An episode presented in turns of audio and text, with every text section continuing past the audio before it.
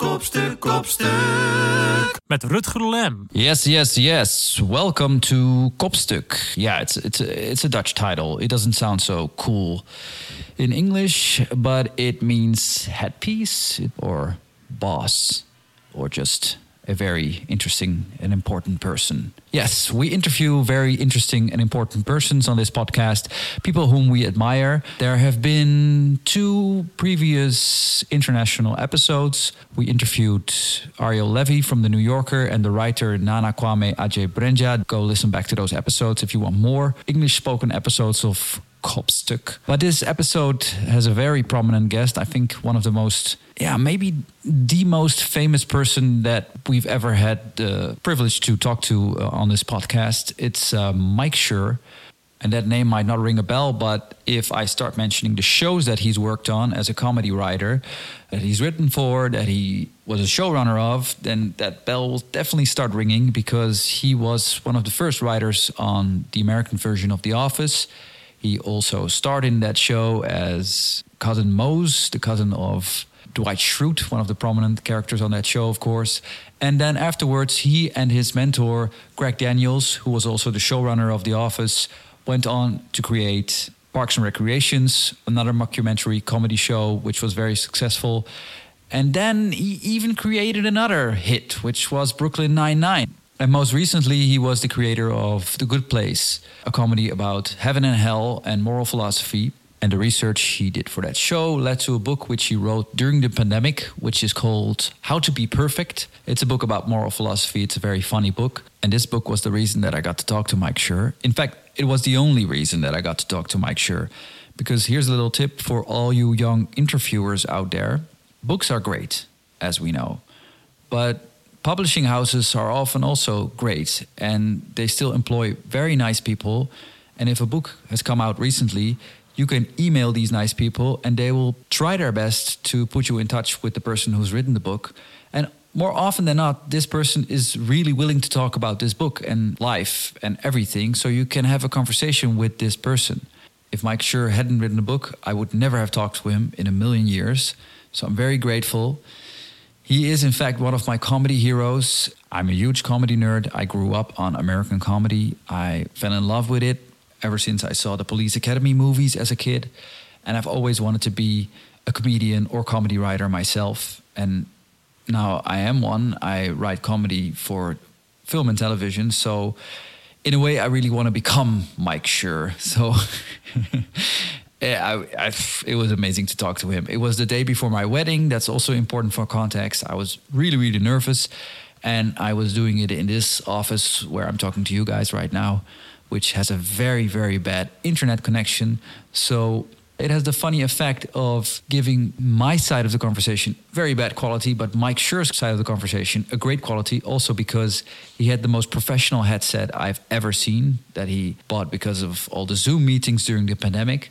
And in the middle of the conversation, there was even a problem of a countdown because I didn't buy the professional version of Zoom, so I only had 40 minutes for the first part of the conversation, and those minutes were up at a certain point. So I was very nervously looking at the clock while still nodding and listening to Mike Schur.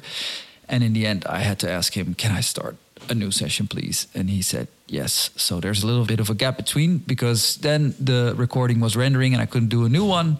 But luckily, I had my own mics still pointed to the screen but that quality is of course even worse. I, I, guess then you hear me better than Mike. So for a little while in the conversation, you can hear my stupid voice very clear. Okay.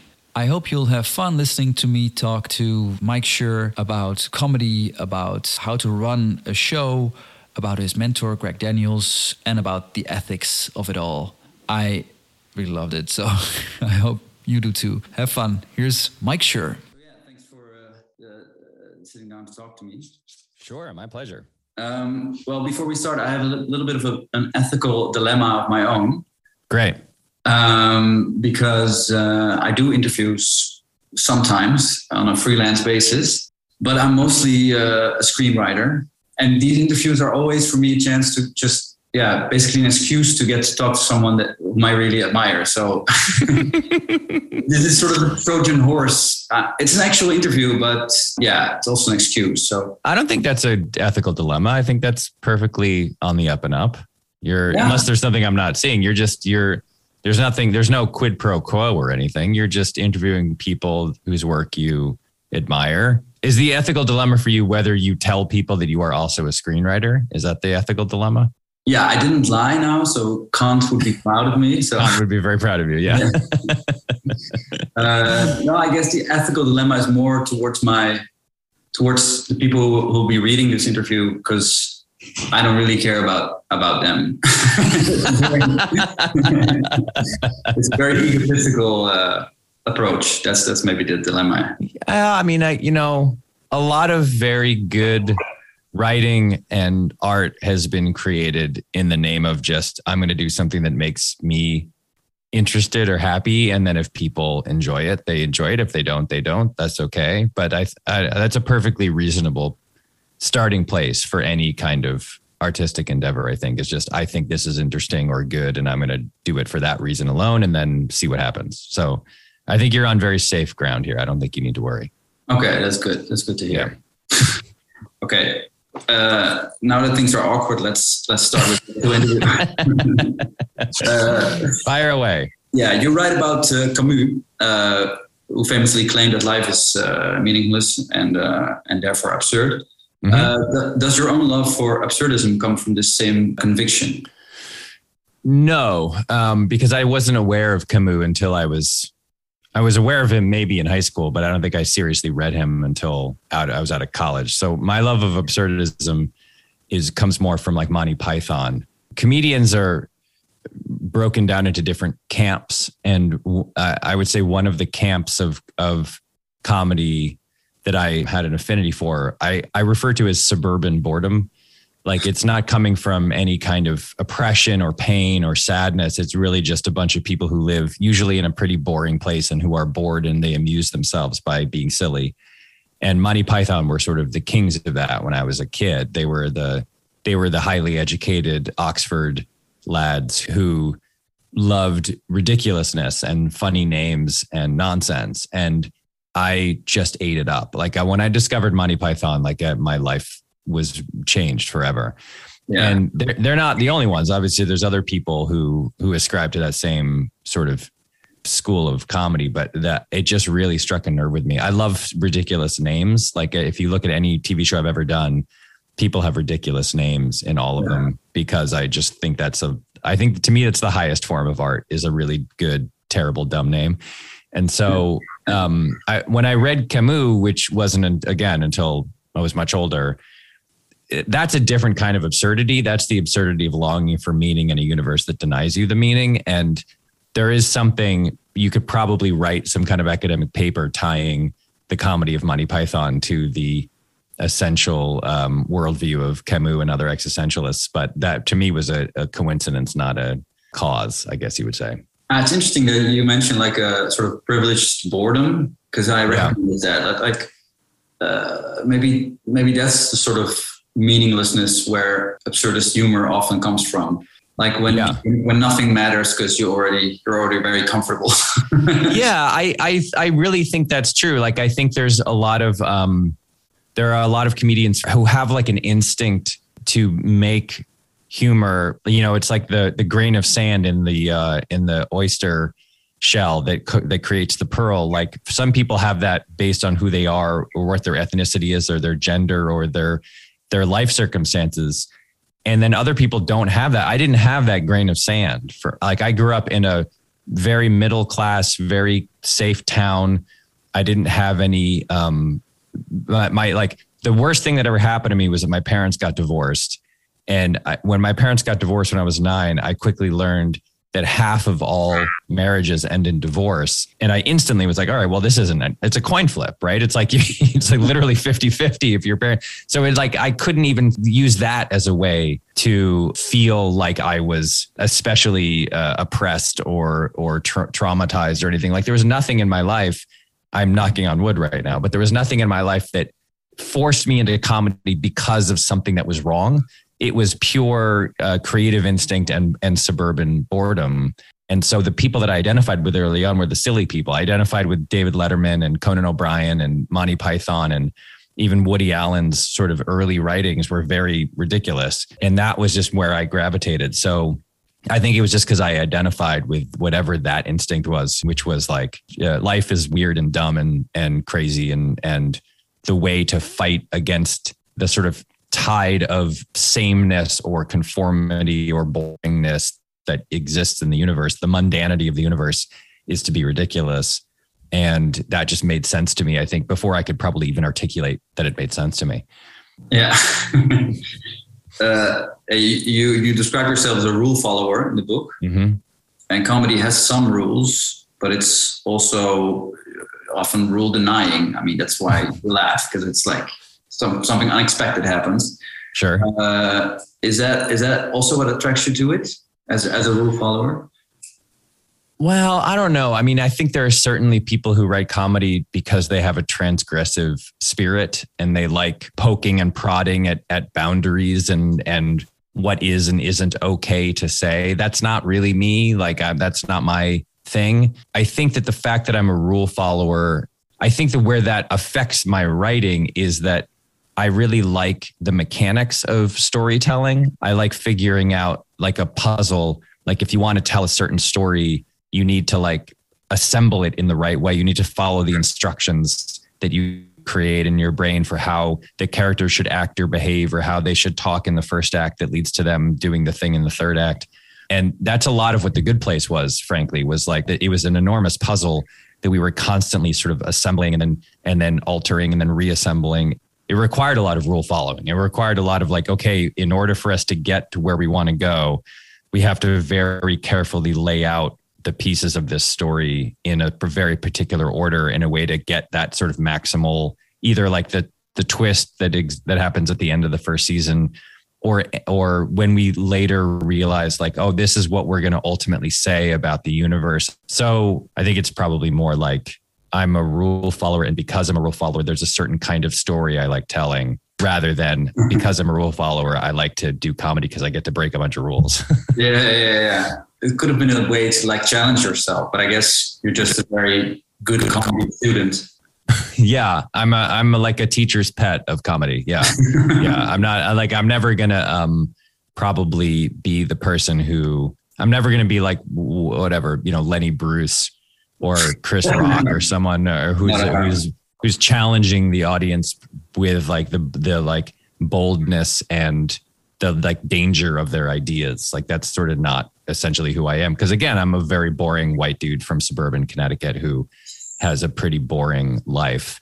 It's more about trying to like do the best version of whatever the thing is that I'm doing than it is like making people you know, shocked and dismayed at the boldness of my take. Uh, on the on the podcast uh, Office Ladies, you recently mentioned that uh, the scene in the Christmas episode. I don't. Uh, Christmas party is is the name of the episode in the office. I think where yeah. Phyllis buys the, the, the lights for the Christmas tree. Yeah, that was based on your own life. It was indeed, yes. The first, uh, the, the the story point is that Phyllis is in charge of decorating the tree, and she puts she buys the small little white lights and when they turn on there's like a big countdown and they turn the lights on and you can barely see them. And that's because the first christmas i spent with my then girlfriend now wife in los angeles we were putting up our tree and she really wanted the big colored lights.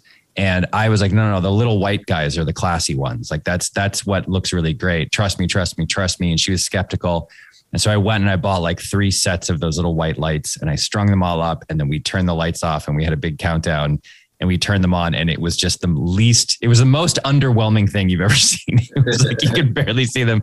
And she just kind of like slowly turned her head and looked at me. And I was like, I'll be right back. And I just immediately went to the drugstore and bought the other kind of lights.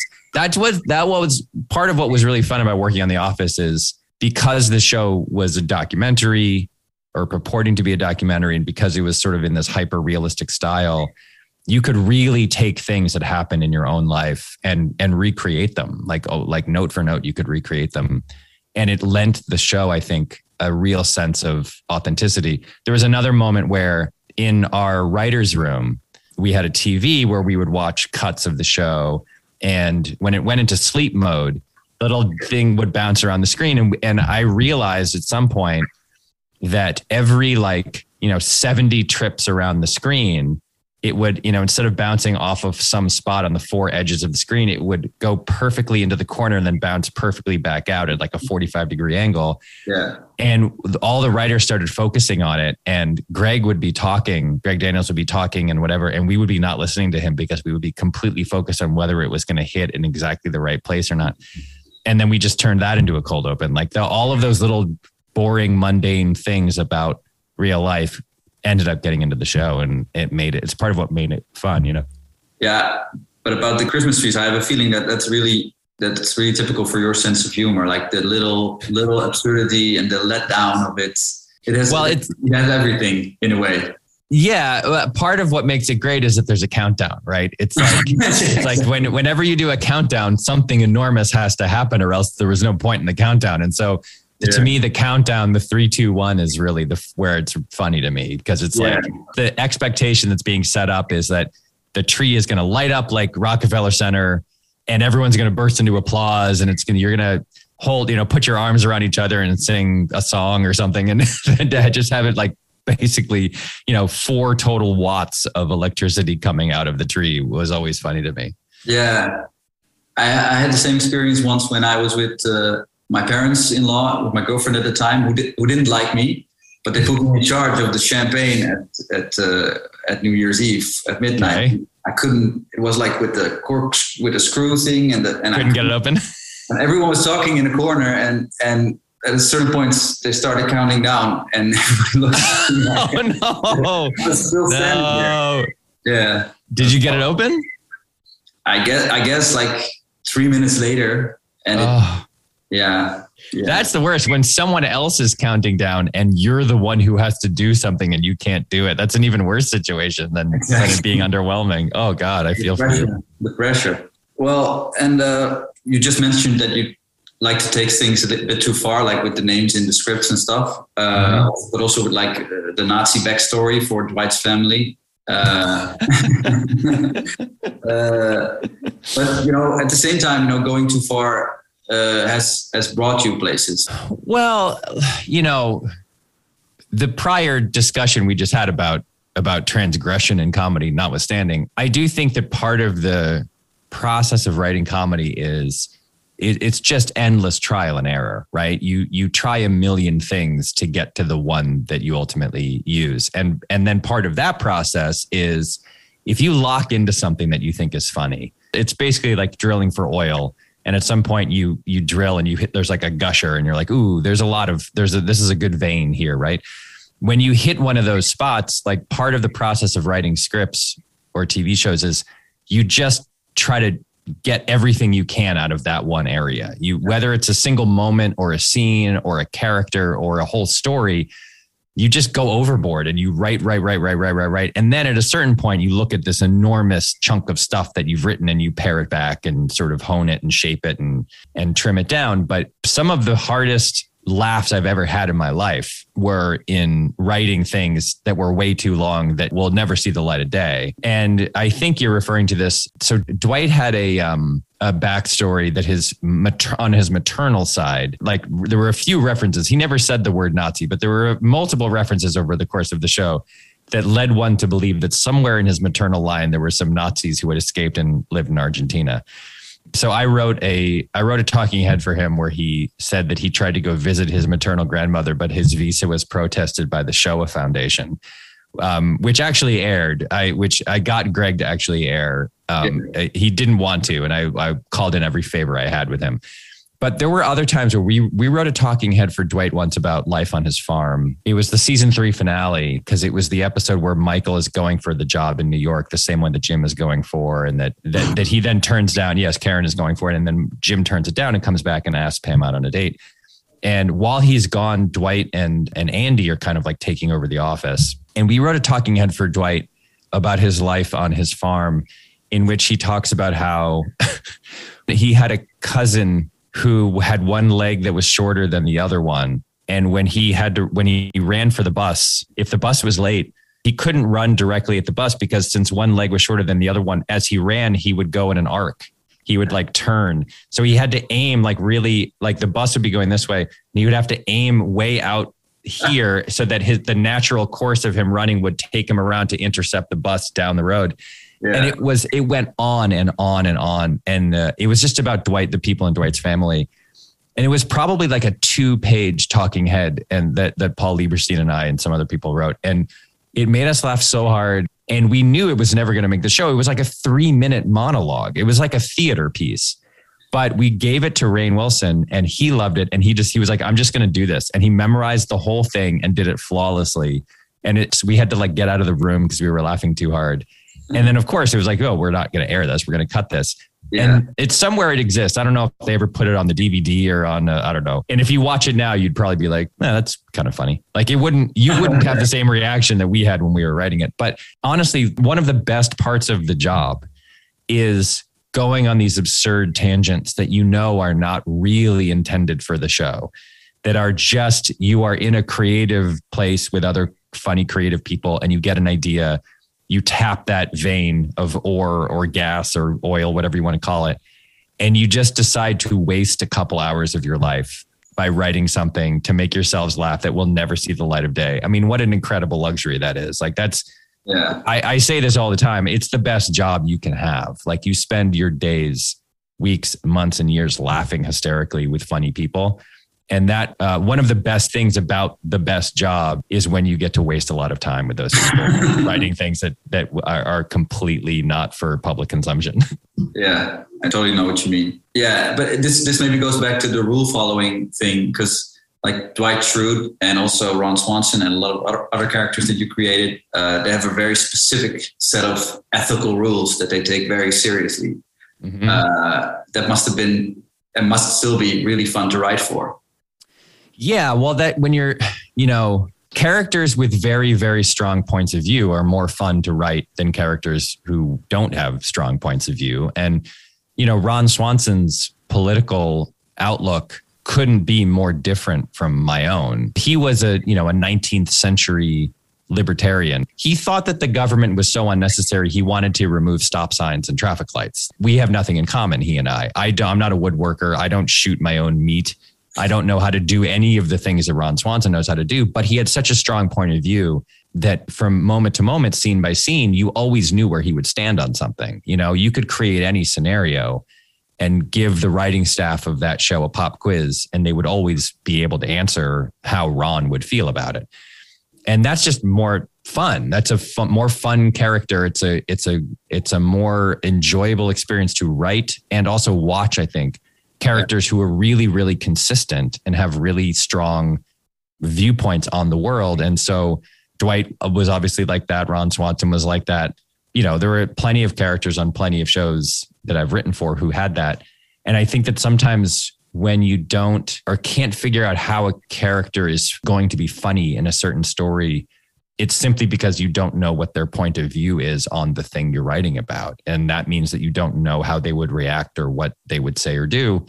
Sometimes, by the way, there are moments where a story isn't working and you don't know why and you realize you've just gotten the point of view wrong. Like we did a story um, we did a story on Parks and Recreation where Leslie nope had set up for Ben Wyatt, Adam Scott's character, this elaborate scavenger hunt for their anniversary. That was going to be like you have to solve all these clues and and you know there's a, a, like a little rhyming poem that will send you to the next place and then you go there and then oh it's this is the place where we had our first kiss or something and then there would be another clue.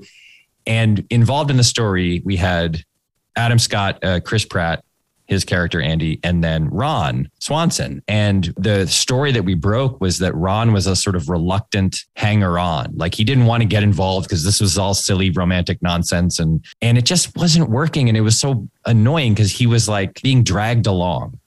And someone being dragged along to something isn't that fun. And so somebody, I don't remember who, I wish I did, said, well, what if he just loves puzzles and games and stuff like that? And we suddenly realized, like, yeah, that absolutely fits with his personality. Yeah, yeah. Somehow it's not, it's not immediately the thing you would think of, but yeah, of course. Like he's always doing like little puzzles at his desk, like as a little character trait. He, he's never working. And so suddenly we're just like, all right, now the news story is he's, he's a, like a crazy psycho lover of puzzle solving. And suddenly he became this joyful, giddy, like in fun presence in the story. And it was like, oh God, if like we just had it backwards. We just we were trying to force him reluctantly into something. And as soon as you flip it and make it so that he's the one who's so excited by this, everything got much funnier and better. So yeah, yeah. Again, the rule following part of my life, one of the rules that I would apply always is just like try to give everybody the strongest point of view they can have because it makes it so much easier to write and create stories like that. Do you ever intentionally uh, put a morale in your writing? The Good Place had some had some moral endings, of course, but it's also it's it sort of defies the comedy sometimes. If yeah, um, no question. When I was a kid, every couple months there would be like a what was called at the time a very special episode it would be like you know eight episodes in a row of different strokes or silver spoons or whatever would be like dumb normal comedy episodes and then once every three months it would be like tonight there's a very special episode. And that would be one that dealt with something serious smoking or drugs or alcohol or sexual abuse sometimes. And it was like a cheap ratings ploy where it was like you have to watch this, this is a very special one. You have to watch this one. And very special episodes are really cheesy and lame and very preachy. And I think that made me wary of the idea of ever preaching or or lecturing the audience on what to think or trying to assert yourself as being a um, something that was like the meaningful or important and that doesn't mean that you don't try to make your shows meaningful or important. It just means that the way that you do that, it can't be, you can't be standing on a soapbox and lecturing people. Nobody wants to be lectured to. Nobody wants to go to school when they're watching television. And so, even in The Good Place, which was explicitly about moral philosophy, we always tried the best we could to not make it seem like we were giving you the answers that we were saying, here's how you should behave. We were merely saying, like, given that the world is screwed up and hard and difficult to navigate, even for the very luckiest people who exist on that planet, just here, here are some things to think about that, that we think are interesting and, and perhaps helpful. That's it. And everything else besides that was left to the audience to sort of discuss or figure out for themselves. And when I was pitching the show to NBC, I told them I was like, I'm not going to make this feel like homework. Like I think if this feels like homework or or that their people are sitting cross-legged as I lecture them about what's right and wrong and good and bad, that's a nightmare. That's a terrible idea for a TV show. It needs to be simply that we are saying like these are some interesting ideas that are floating out there in the world that if you find them compelling you can reach out and grab them and try to understand them. Despite the fact that it's an obligation for american tv shows it seems sometimes to have like a to have like a moral you're saying? To have yeah, like a, yeah, yeah. message? Well yes and no. I mean i think it used to be more maybe more like that. And there are certainly tv shows that are anarchic in spirit. Like you know seinfeld had no moral center at all and it's maybe the most successful TV show of all time. It's Always Sunny in Philadelphia, which is the longest running sitcom in American history, it has no morality to it at all. Like it's pure hijinks and and hilarious people being funny. Yeah. So I it is and it isn't. I I I personally am more interested in stories and shows and characters that feel like they have some like moral weight to them it's just you have to be very careful in the way that you deploy that. But all your shows have one thing in common that they're very communal. And, and I was struck by the term Ubuntu in your book. Yeah. Which is about uh, we're only people because of other people. That that that you could you could say that that is a message in your in your writing as well. Yeah, no question. Like when I read about Ubuntu for the first time in any serious academic way, it just was like, yes, absolutely. This makes sense to me. Like I get this. I understand it. It's right. I believe it's correct in its in its worldview. It's a Southern African philosophy. It exists in different under different names in different countries in different languages. But essentially, yes, we are only people through other people is one way to aphoristically explain it. Another way is I am because you are, and you are because I am. The idea that you treat other people, even strangers, exactly the way you would treat yourself or your best friend.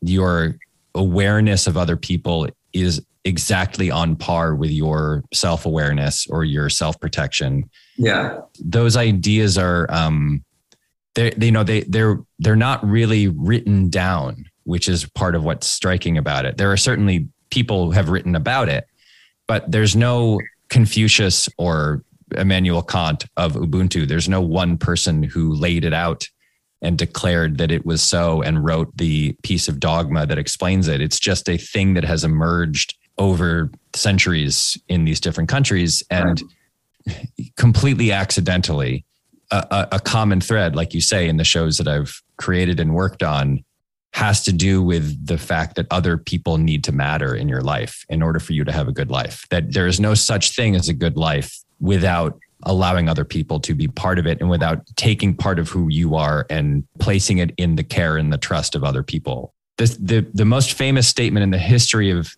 European Enlightenment philosophy is I think therefore I am, right? It's the it's the essentially that one sentence, that one sort of proof of individual consciousness as meaningful and proof of existence is the basis of all of enlightenment philosophy and everything that's come after it. Yeah. And if you compare the difference between call it Europe and the West begins with I think therefore I am and Southern African philosophy is I am because you are. Like those are completely different. Those are diametrically opposed worldviews.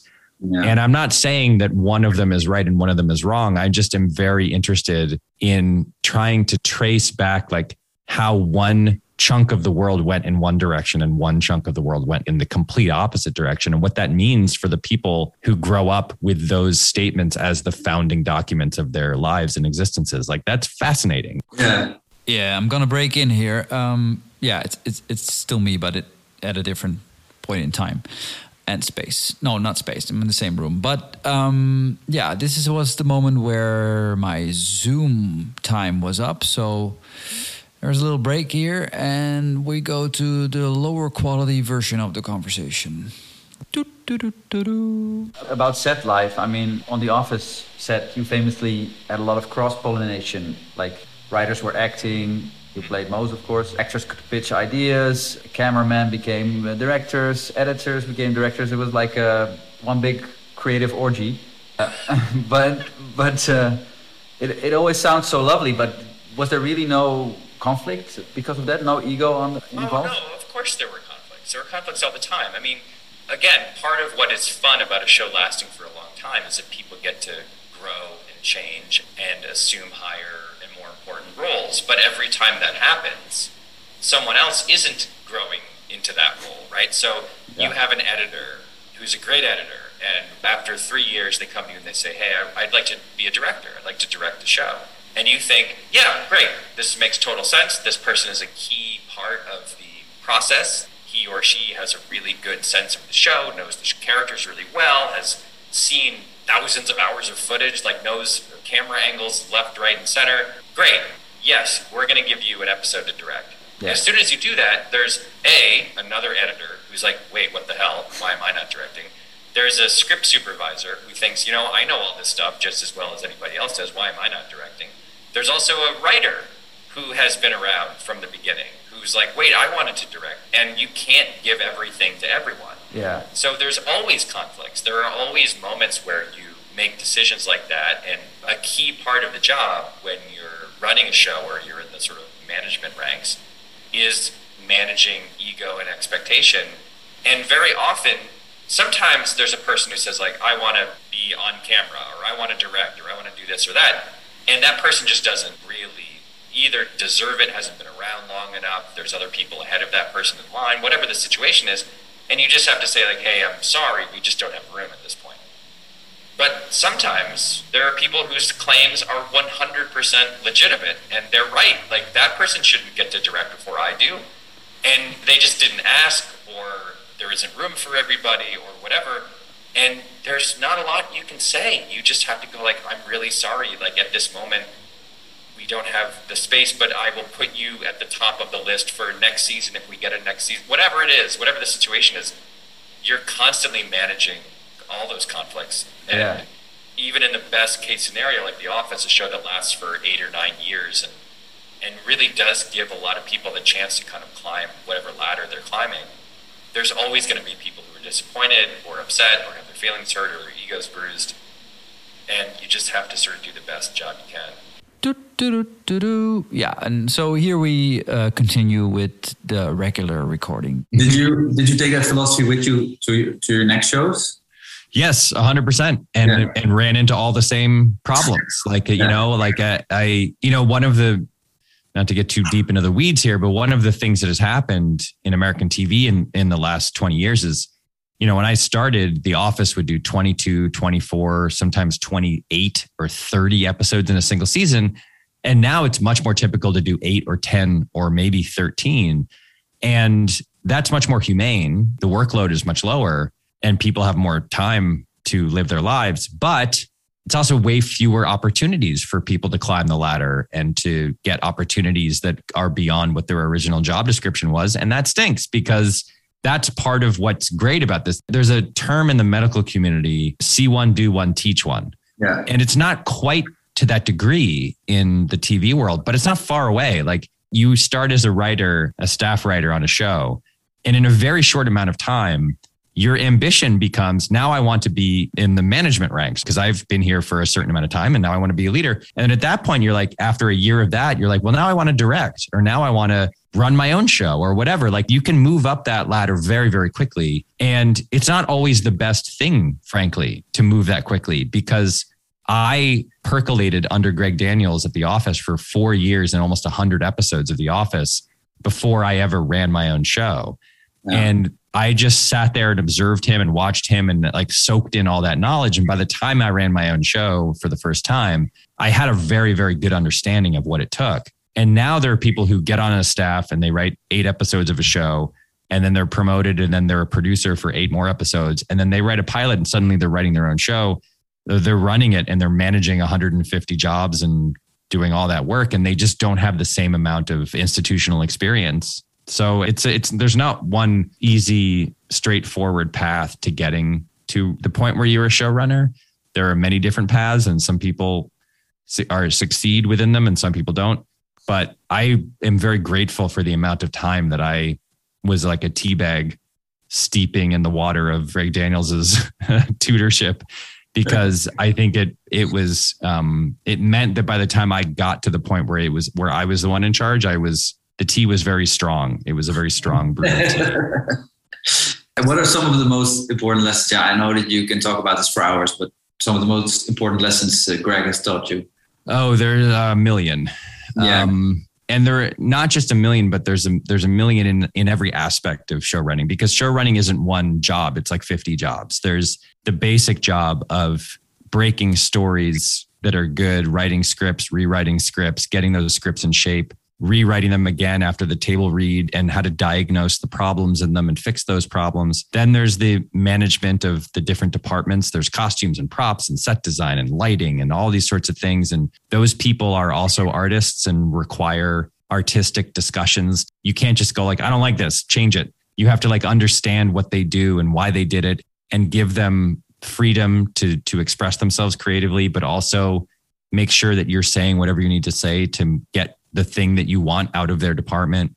There's ego management amongst writers and actors and crew members. There's knowing what to spend your time on. That's maybe the biggest thing I learned from him is just thinking of time as a finite resource. Because again, it's 50 different jobs. So if there's something that comes up in a given week and it's really important, you can spend the entire week just thinking about that one thing at the expense of all of the other shit you have to do, right? Like there's an opportunity cost to every single thing that you spend your time on. And so learning where to deploy your time and learning how to identify people who are good at other things and delegating power to them and saying like all right i'm going to go to editing because i have to work on editing for 2 hours.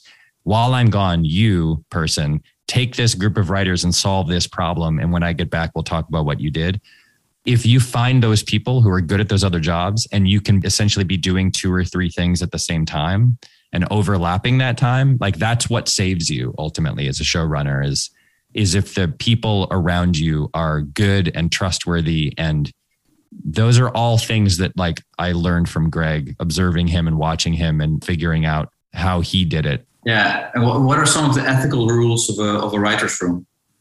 Um, there are um, there are many. the biggest ethical rule of writing in general is don't steal other people's ideas, right? Right. Um, and sometimes what that means is like this is a problem for women, especially everywhere. Sometimes uh, in the past, historically, women would pitch ideas and would be largely ignored, and then a man would pitch essentially the same idea, and that idea would be accepted. And there has been a renewed emphasis over the last, call it five to 10 years, on being respectful of other people's ideas in the moment when those ideas come up. Like, don't reject ideas out of hand immediately, because partly when you do that, if someone pitches an idea and you instantly say, like, no, that's no good, move on, you are curtailing the possible discussion that could come out of the idea that would lead to something that is good and that is fruitful. Yeah. And you might also not even really know what they mean because you didn't let them explain what they meant.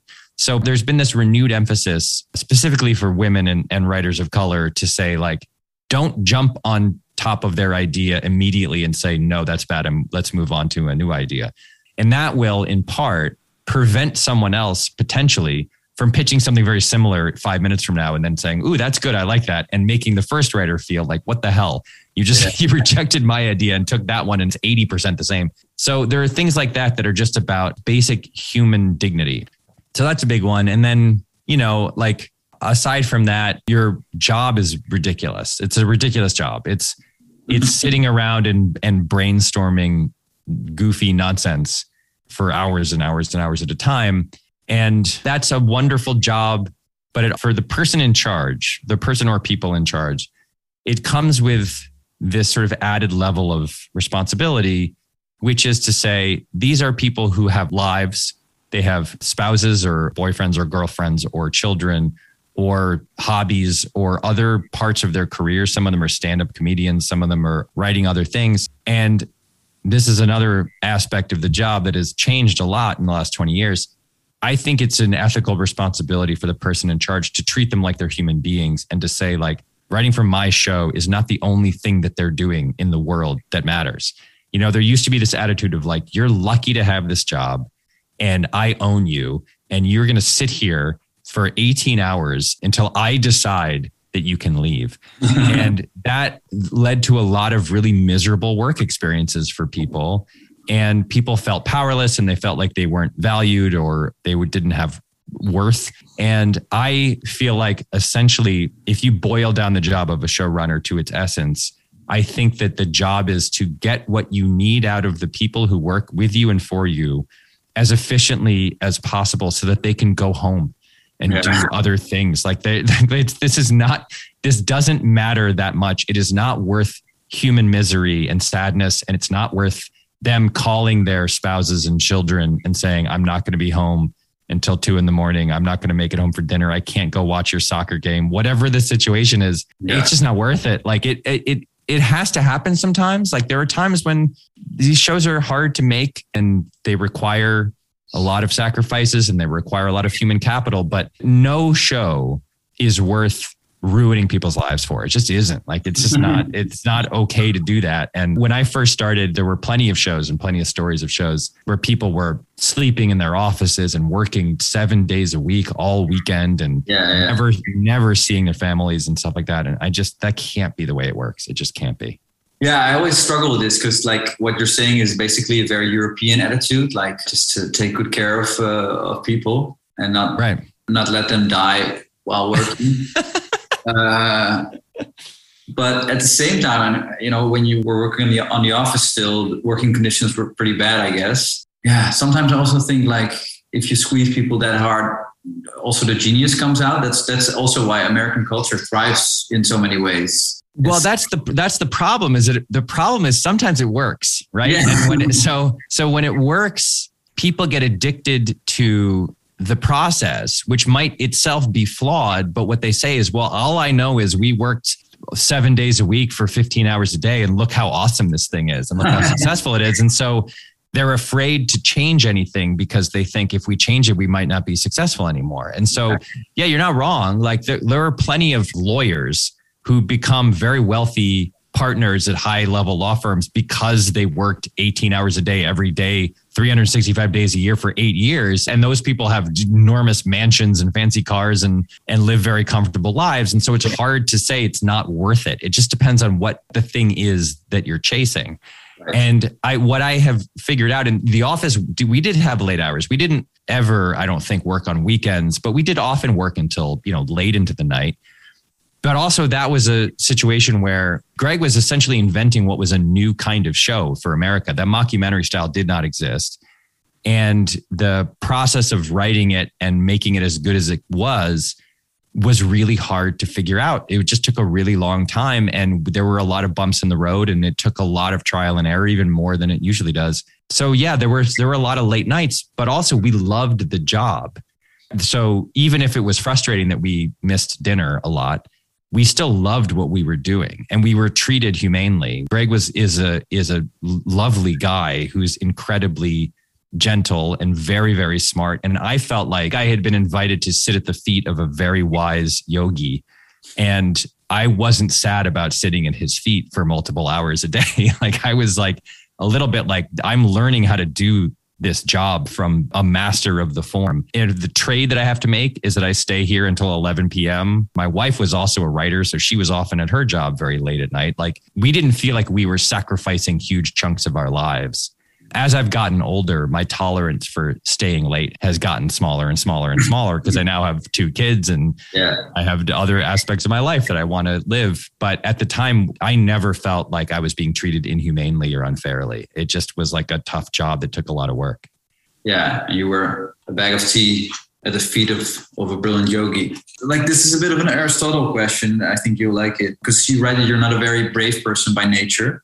Uh, but you put yourself out there in your work, of course. How do you balance between standing firmly behind your ideas, especially as a starting writer, and not being an asshole who doesn't listen to feedback? well, that just that's just a, a comes from never thinking that I have all the answers, like ever in any part of my life. I've been now writing comedy for like 25 years. And I think if you've been writing comedy for 25 years, you can go in one of two directions. One direction would be I've been writing comedy for 25 years, don't tell me what to do or how to do it. And the other way, which is the way I've gone, I think naturally, I'm not saying like I'm a genius who like figured all of this stuff out, but the other way is like, oh, I I constantly feel like there are other people who are better than I am at different aspects of the job. Just as one example, writing that book was really hard for me because I've spent 25 years in writers' rooms surrounded by a dozen or more other funny people. And the great thing about that is you come to a point in a script and you need a joke and you've got 13 or 15 people there who all will have a different pitch on what the joke is. And it creates this immediate sort of wonderful, positive Darwinian feedback loop where everybody pitches a joke and you get 15 options and you pick the best one. And I would get to a point in the book where I needed a joke for a situation and I would look around the room, and instead of 15 funny people, there was just me and my dog. And I would be like, where are all the funny people? where, where, where'd they go? They abandoned me. And on multiple occasions, I went into an email thread from the good place and was like, hey, help me out. I have this joke set up and I can't come up with a good joke. Can someone come up with a good joke for me here?